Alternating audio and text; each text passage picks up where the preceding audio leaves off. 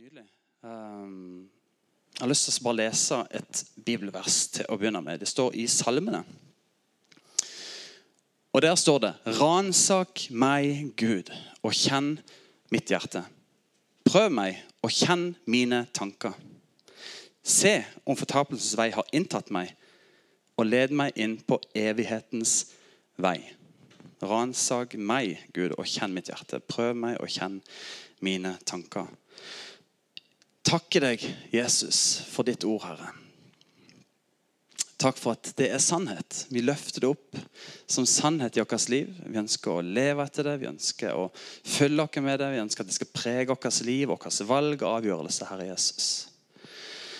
Og som det står her i denne salma, ransak mitt hjerte, ransak vårt hjerte. Hjelp oss til å se hva som er sant, og hva som ikke er sant, Jesus. Vi ønsker å leve liv etter ditt eksempel. Amen. Fanget av følelser. Halvparten av dere har følelser i livet deres. fikk jeg med meg. Så Halvparten av dere skjønner jo litt hva jeg kommer til å snakke om nå. Så dere andre må bare, prøve å henge dere på. ikke sant? Går det greit? det? Dere som ikke hadde følelser, går det greit? det? Bare tulle. Skal vi ta en ny? En her som har følelser i livet sitt? Vi må se. Wow! Wake up! Fantastisk. Jeg er en liten adrenalinjeger. Jeg elsker fart og spenning. Nå har vi fått en politimann som begynner å gå litt her. så må jeg, Nei, bare tulle. Jeg, jeg liker fart og spenning. Er det sånn her berg-og-dal-bane, så er jeg der oppe. liksom. Det er der jeg holder til.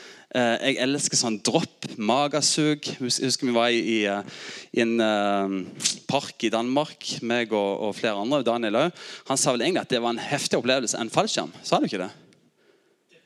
Det sa du vi, vi, hang med ryggen mot bakken i det er sånn netto noe, da, sånn, ikke, 80 meters dropp. Der du hang og dingla i køya med ryggen ned. Og så bare slapp de, og så datt du ned uten å se noen ting og landa i det her nettet. En sykt deilig, forferdelig En eller annen som liker meg der. Liker dere litt sånn adrenalinkick? Ja, jeg elsker det. Jeg liker òg å le. For de som kjenner meg, så vet de det. Og de som, ja. Sjefen min han han har ei hytte ute i Selura. Og så var vi på en hengekøyetur der for et par år siden. Han visste ikke jeg skulle være der, men han hørte jeg var der. for å si sånn. så han sendte melding dagen etterpå. 'Villmarkens sønn, hørte deg lang vei.' Jeg liker å le. Jeg elsker å le. Jeg elsker bekreftelse. Jeg er veldig glad i at folk sier de er glad i meg. eller 'Så god du er, Kristoffer. Du betyr mye. Det gjør meg godt.' Hint, hint. Nei, det var tøyse. Eh, jeg elsker å glede andre mennesker. Det fører meg òg til å føle meg godt det å glede Se andre mennesker blir glad hvis jeg gjør noe eller gir noe eller sier noe. At de, at de, blir, at de gjør noe med dem, det gjør meg òg godt. Så følelser, eh, både de gode følelsene, men òg de litt vonde følelsene, er vi skapt med, og de er med å berike livet vårt. Eh, de vonde følelsene som f.eks. sorg, det er jo ikke en god følelse. Men det kan gjøre godt det å få lov til å gråte ut ting som har skjedd, ting en har opplevd, ting som var sårende. Og det er med å helbrede. Frykt. Ofte litt sånn i karismatiske settinger så bare Åh, kjærligheten driver frykten ut. du skal ikke ha noe frykt. Men frykt er faktisk ganske bra òg. For står du på toppen av en bygning her oppe, og du kjenner bare Et skritt til nå, så, så er du ferdig. Den frykten der, den, den er bra. Okay? Den, den vil vi ha. Er du enig? Dere er litt daue. Ja, bra. Det er en god frukt. Ikke driv den ut. ikke bli kvitt den. Det er en sunn og fornuftig følelse i ditt liv som du er skapt med, som du burde ha. Det er bra. ok? Så frykt kan være positiv, faktisk.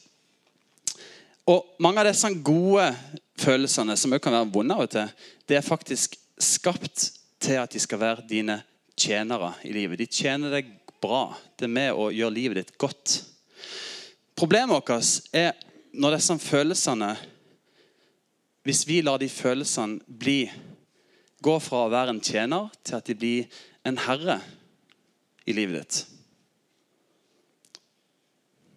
Er det noen som kjenner seg igjen av og til? At det er følelser og tanker som, som ikke lenger er en tjener i livet, men de blir plutselig en herre i livet. De er ikke med å tjene deg, men de er med å styre deg.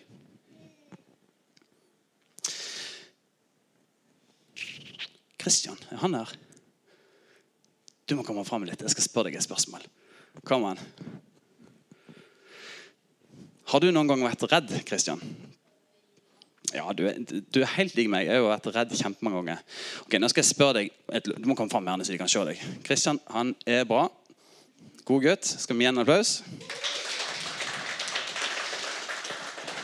Kristian, i et hus, hvilket som helst hus, eller stor bygning, men kanskje hjemme òg, hvilket et rom i huset er det som er på en måte det skumleste? Uh, kjelleren. Kjelleren? Har dere et loft òg? Er det skummelt? Nei. Så kjelleren, det, det, der går du ikke ned med mindre du må. Kjelleren der går du ikke ned hvis du med mindre mamma sier du må gå ned og hente noe. Du går ikke ned i kjelleren, liksom. Nei. Da er du lik meg. Meg er det ganske like. Bra. Da skal jeg si litt mer om det. Tusen takk. For Ja, gi en applaus.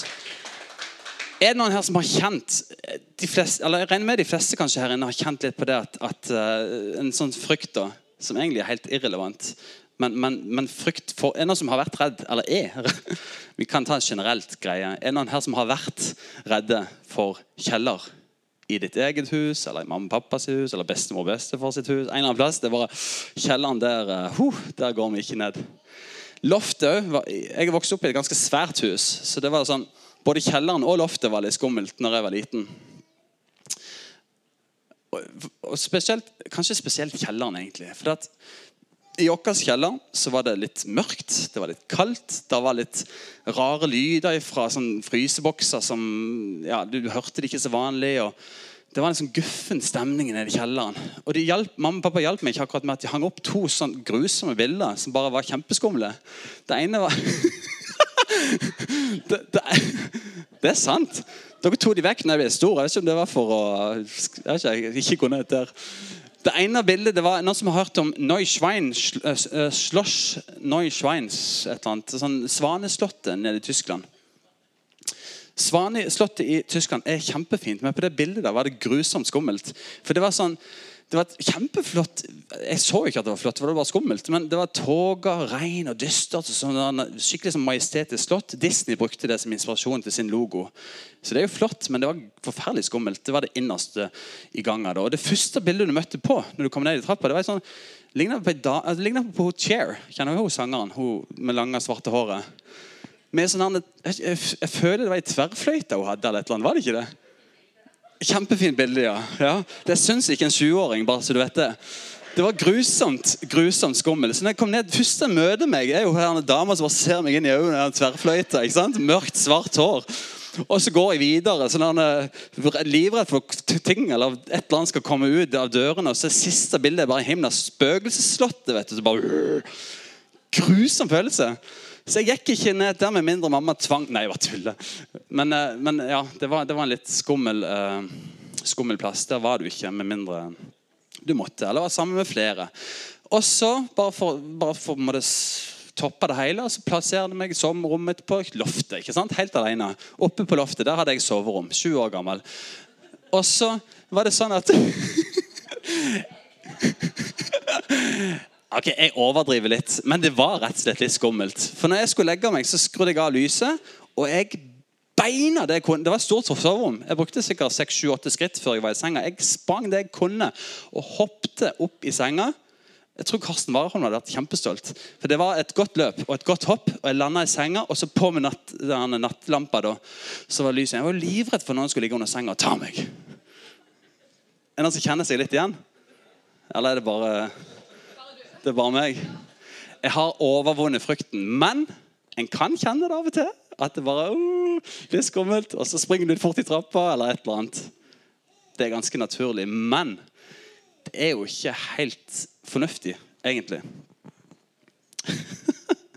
ikke meningen å henge dere ut, men uh, jeg skulle liksom ha fram et poeng her, så jeg måtte nesten bare si det. Neida. Punkt nummer én ikke tro på alt du føler. Ikke tro på alt det du føler.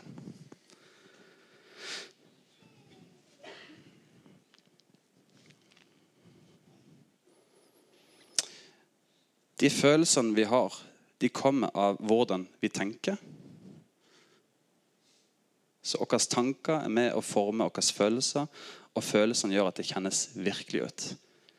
for, for meg så var det jo dødsalvorlig. For der lå jo et monster under den senga ikke sant? og skulle ta føttene mine. Så jeg sprang det jeg kunne for å hoppe over den armen. ikke sant? Og jeg gikk jo ikke ned i kjelleren, for det var bare masse Du kjente det på kroppen. Så følelsene var jo virkelige. Men det hadde jo ikke noe rot i sannhet. Det var jo noe jeg hadde begynt å tenke. Kanskje jeg hadde sett noe eller hørt noe. Følelser, magefølelser altså Ting som bare påvirka som gjorde at en fikk en følelse, og så ble det sannhet.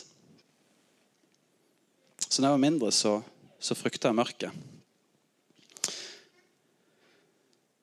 Litt av utfordringen vår da, er at For én ting er de her følelsene som vi kan ha. Men problemet til oss mennesker er de her tankene og følelsene som Bibelen forteller er ondt. Som må det høre til i vår natur, eller kjødet, som Bibelen kaller det for. Altså det her med sjalusi, hat, misunnelse, bitterhet, stolthet, begjær, frykt, motløshet osv. osv. Problemet til de tingene er at de er ikke så synlige, for det, foregår i vårt indre. Men problemet er at hvis det får ta overhånd i oss, hvis det får liv i oss, så kan det nesten føre til, til død. Ikke at du dør, for det er ikke det jeg snakker om. Men det kan være med å bare begrense livet ditt. Det kan begynne å, å fange deg. Og du begynner å bli styrt av følelser som både er negative og destruktive. I et vers står det herrene Filippa-brevet. Vær ikke bekymret for noe, men la i alle ting deres bønneemner komme fram for Gud i bønn og påkallelse med takksigelse. Og Guds fred, som overga all forstand, skal bevare deres hjerter og tanker i Kristus Jesus. Og ellers, søsken, så er det som er sant, det som er æreverdt, det som er rettferdig, det som er rent, det som er verdt å elske, de tingene som det tales vel om, om det er et ærbart liv, og om det er noe som er verdt å bli rost, så legg alt dette på sinnet, på tankene dine. Det har blitt sagt ganske mange ting om, om det jeg sier nå eh, i, i, løpet av vitnesbyrdene. Men det her med å ikke være bekymra for noe, ha tro til Gud At vi følger oss med sannhetene. At det begynner å forandre måten vi tenker på. Og det vil òg etter hvert begynne å forme måten vi føler på. Sånn at Følelsene kan være gode tjenere, men de begynner ikke å herske med deg. Frykten får ikke ta overhånd. Menneskefrykten får ikke ta overhånd.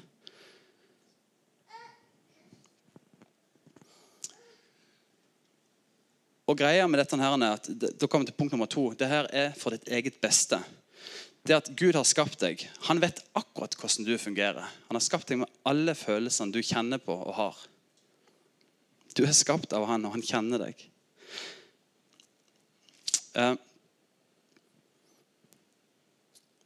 og de tingene som, som Bibelen måtte si at ikke er bra for oss, som han kaller for synd, det er jo en grunn til det. For han vet at de her tingene her, de fører til Bibelen kan kalle det død. Jeg tror ikke du dør av alle tingene. Men det kan føre til at livet ditt blir fanga, at, at, du stagnerer, at du kjører deg fast, at det blir destruktivt. At du hindrer deg å komme ut i det som faktisk Gud har skapt deg for og til i denne verden.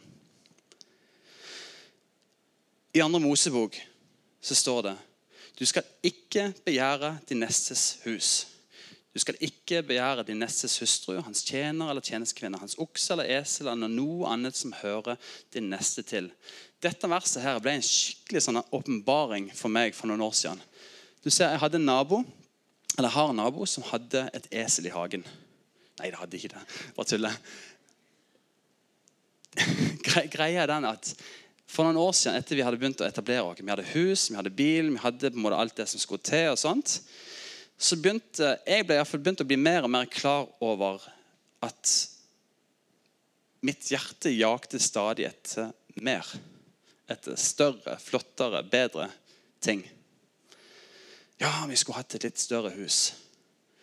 Å, det hadde vært kult å ha en ny bil. Litt større TV. Alle her tingene som bare lå som et begjær inni meg, et ønske om å ha noe mer.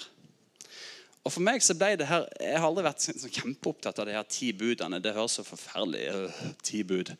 Uh, men for meg så ble det her niende og tiende budet i Det gamle testamentet skikkelig sånn levende for meg. For at I utgangspunktet så tenker en ofte at det her er sånn, du må ikke gjøre det, du må ikke gjøre det, du må ikke gjøre det. du må ikke gjøre det. Fy, fy, fy, fy, fy. Og så bare OK. Eh, Hvorfor det, liksom? Og så ble det mest litt sånn, Kall det en åpenbaring for meg. Jeg satt i bilen en dag og, og parkerte. Så ble det bare så levende for meg det her at Grunnen til at en ikke skal begjære ei okse eller esel som naboen har, eller om det er bil eller hus, eller hva det er for noe, grunnen til at vi ikke skal gjøre det, handler jo ikke kanskje om at, at en naboen din skal på måte få vondt av at du tenker sånn, men det handler jo først og fremst om ditt eget liv og hjerte. For hvis en går rundt hele tida Nå snakker jeg veldig mye til meg sjøl, og følelser som tok overhånd. Hvis en går rundt hele tida og skulle ønske at en hadde det. Jeg skulle ønske det var sånn. Jeg skulle ønske det så sånn ut. Jeg skulle ønske, jeg skulle ønske, jeg skulle ønske. At en sammenligner sine svakheter eller det en ikke er så flink på, med, med naboen eller vennen eller noen i familien sånn og sånn og sånn. Så ender du jo bare opp ulykkelig, deprimert, motløs. Du ender opp som en taper hver eneste gang, for du sammenligner deg kanskje med andres toppunkt. Og det ønsker jo Gud at Han ønsker å bevare deg fra det. At du, ja ok, Naboen har kanskje et større hus. Ja, Men vær takknemlig for det du har, Kristoffer. Du har det sånn, og du har det sånn, du har det sånn, og du har meg, sier Gud. Og bare, wow, ja. Og så forandrer han plutselig perspektiv på alt. Og så begynner han plutselig å bli glad for det han har. ikke sant? Ikke at det ikke var før, men, men det var kanskje en overvekt av at en skulle helt ønske at en hadde noe mer.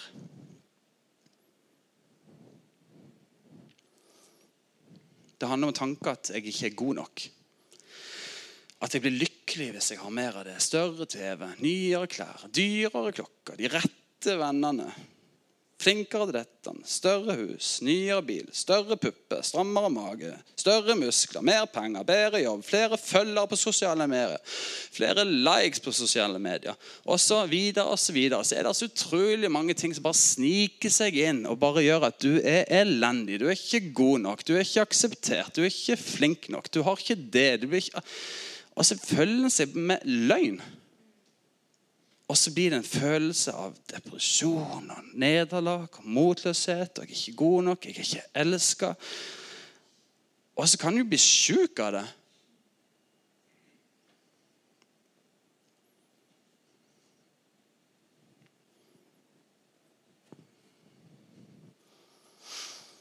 Hva Hva skal jeg si? Vi kaller det for begjær.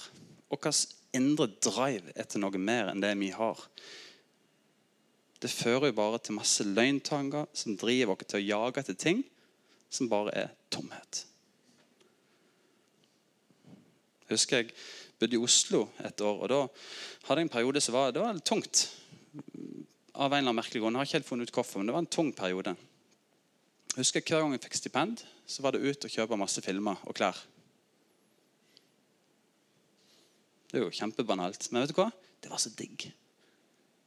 Og så gikk det en dag, og så gikk det to, og så var det bare tomt. Men der og da var det godt. En jag etter noe som bare er tomhet. Det er kanskje gøy der og da. Det er gøy med den nye bilen ei uke, så får du ripe. og så. Det er gøy med et større hus. Finner du åh, nei, men hadde det bare vært en sånn løsning. Og så jager vi stadig etter nye ting. Så begjærer vi esler og okser til naboen, og så faller vi alltid til kort. Det er kun i Gud vi vil finne fred, glede, ro, trygghet, tilfredsstillelse og til og med spenning. Hvis du er en adrenalinsøkende mann eller dame, det er spennende å faktisk vandre etter Jesus. Jeg skal love deg det, Hvis vi begynner å vandre som Jesus, så kjenner du at du lever. Det vil koste, det vil være utfordrende, det vil være spennende. Punkt nummer tre til frihet. Til frihet har Kristus frigjort oss. Vi kan, være, kan, vi kan kanskje være fanga av følelser og tankesystem. Men Jesus har faktisk kalt dere til å være fri. Og det er jo ikke sånn som jeg sa i stad, at idet du tror på Jesus, idet du rekker opp hånda kanskje, og ja, jeg tar imot Jesus, så er alt bare helt straight. Da er alt fiksa. Da er alt på plass. Kanskje en har et inntrykk av det, eller et håp om det. At når jeg tar imot Jesus, når jeg blir en kristen, ja, da fikser alt seg. For Gud er jo god, han er kjærlig, han fikser ting. Ja, ja, ja, det er sant. Men livet, våre tanker, og våre følelser er jo de samme. Meg, Kristoffer, jeg står jo egentlig opp imot Gud. Et slags hva skal du kalle det for? Et, en, jeg står imot Guds vilje og hans ønsker for mitt liv. Det er en kamp mellom mitt, min vilje, mitt kjød, og hans ånd som tar bolig.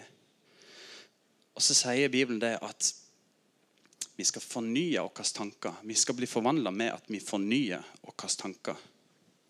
At vi begynner å fylle oss med det som er sant, det som er godt, det som er rent, det som er edelt. Legg sinnet deres til det, leste vi i stedet. Legg vekt på det. Så vil det begynne å prege deg, forme deg og endre deg. Og Etter hvert så vil den kanskje ikke være styrt av følelsene, men følelsene vil være under dine føtter og heller tjene deg. Og det vil avsløre hva som er sant og hva som er løgn. For du kjenner Guds ord, du kjenner sannheten.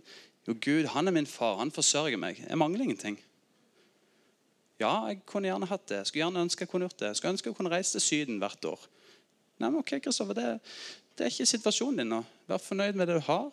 Så har Gud en vei en plan videre for ditt liv. Vær takknemlig. Det tror jeg er nøkkelen til mange av disse tingene. Å være takknemlig. Jeg snakka just med Thomas rett før møtet her nå. Uh, han hadde vært på Greit å si det? Ja, ja. har ikke sjanse til å ta avstand nå bretter Gud livet hans. Nei da, jeg gjør ikke det. Nei, men Han hadde vært på, uh, på telttur, og så bare sammenligna vi. For jeg har vært på et par hengekøyeturer. og det det ser himla bra ut på Instagram. ikke sant? Hengekøyer og bare luksus. Men det er jo grusomt. en som har vært på hengekøyetur de siste par årene? Alle, jeg føler alle har vært det. Noen, ok, ja, Det anbefales ikke. De gjør det, men ja, det er utrolig. da, ikke sant? Vi presenterer, tar 20 bilder, finner perfekte vinkler med lysstyrke og alt mulig, og bål og bare uh, look, liksom, enjoy, liksom, Perfect. Uh, heaven on earth, liksom. Uansett, Thomas hadde vært ute og frøs, eh, fryst i natt i telt og hatt det grusomt. Men det var koselig, selvfølgelig. Det er jo ja, to, to sider samme sak. Men så sier han det når han kommer hjem, så kjenner han bare wow, tenk å kunne gå til kjøleskapet og ta ut noe mat. Eller bare krype inn i dyna i senga og bare åh, godt og varmt. Det setter ting i perspektiv.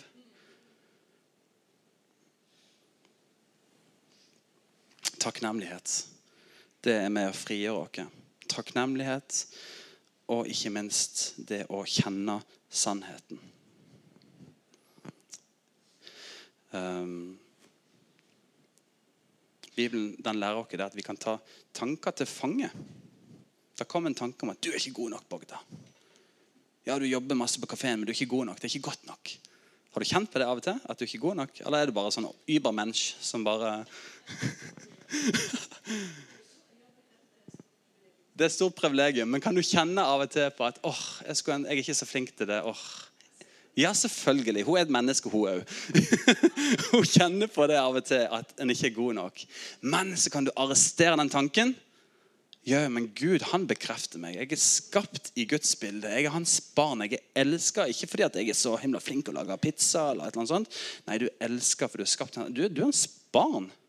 Han ga sitt liv for deg fremdeles når vi var syndere, ynkelige og forferdelige, så ga han sitt liv i kjærlighet for meg og deg.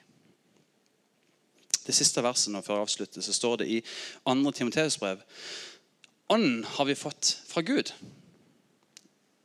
Den gjør oss ikke redde og motløse. Nei, den gir oss kraft, kjærlighet og selvbeherskelse. Det betyr at du kan bestemme hva du vil tro på. Du er ikke et offer av dine egne tanker og dine egne følelser. Du kan kanskje oppføre deg som det. At du ligger der 'Hjelp meg!' Og Av og til trenger vi hjelp. Av og til trenger vi å gå til noen og snakke med noen. Av og til trenger vi til og med profesjonell hjelp. Det er utrolig mye godt som, som Tove snakker om herrene, som kan være med å hjelpe oss til å få ting på plass. Men det viktigste av alt er at Gud har gitt dere sannhet. Og vi kan velge om vi velger å tro på det, eller om vi velger å tro på det og det er med å prege mitt liv og mine følelser. For jeg tror det er et par søndager siden så fortalte min gutt Jonathan et vitnesbyrd herrene. om eh, Han er seks år, for det er ikke så mye vet hvem han er. Og han, eh, vi hadde en runde på rommet der jeg eh, fortalte de bare når jeg var liten, så, så når jeg skulle springe fra naboen over til huset vårt gjennom en mørk skog med en bekk som rant Det var grusomt. Vi hadde sett på en eller annen sånn vampyrfilm. eller noe sånt. Jeg var 11-12 år gammel. Og jeg skulle hjem. Og det var, det var den lengste veien jeg har gått i mitt liv.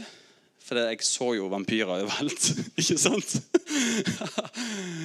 og så husker jeg bare å, jeg må, jeg må få tankene over på noe annet. liksom. Så jeg begynte å synge 'Jesus elsker alle barna' idet jeg sprang over skogen. Hadde han sett meg, jeg trodde jeg var gal. vet du. Hjernevask unge. så sa jeg det til guttene mine at ok, hvis dere kjenner på frykt, hvis dere kjenner på de her tingene som er med og, og på en måte gjør at vi blir redde, om det er for mørkt eller å gå hjem fra skolen, eller hva det er for noe, hvis du kjenner på frykt, så kan vi be til Jesus, eller vi kan synge en sang, en lovsang som gjør at, at eh, Jesus kommer og hjelper oss. Det er sånn du lærer ungene dine. ikke sant? Det er bare sånn du gjør. Ikke alltid du forventer at det skal skje så mye.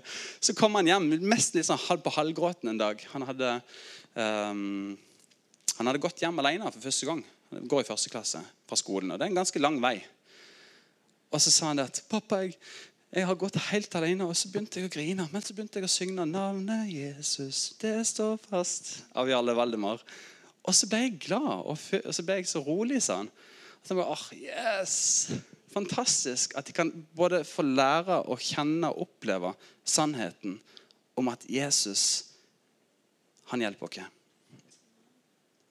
Så vi kan velge å la frykten overmanne oss og la tankene bare herje med våre tanker og vårt følelsesliv.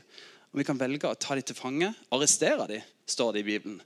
Og så skal vi tvinge dem, står det. Det er ganske harde ord. Arrestere dem og tvinge dem til lydighet under Jesus.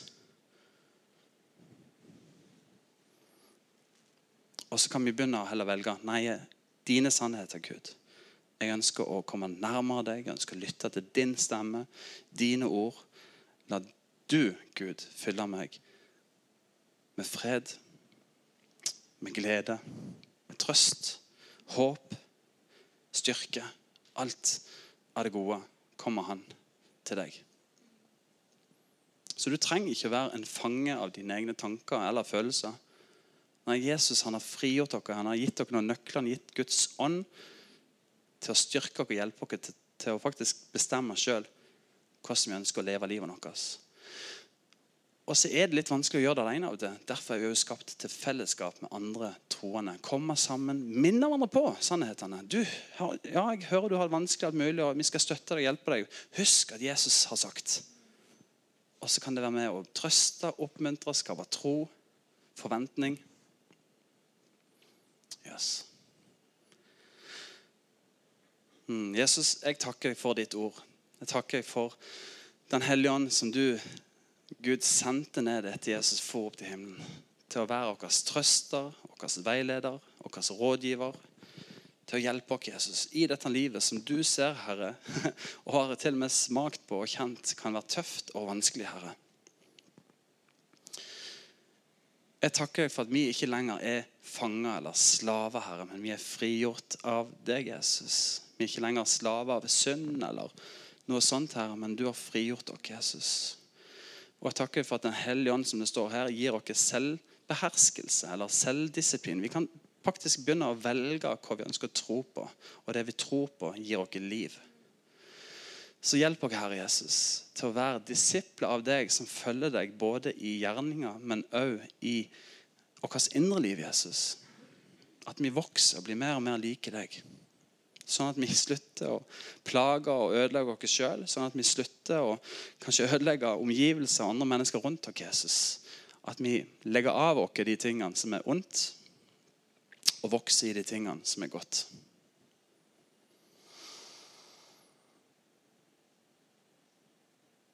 Ja, i Jesu navn.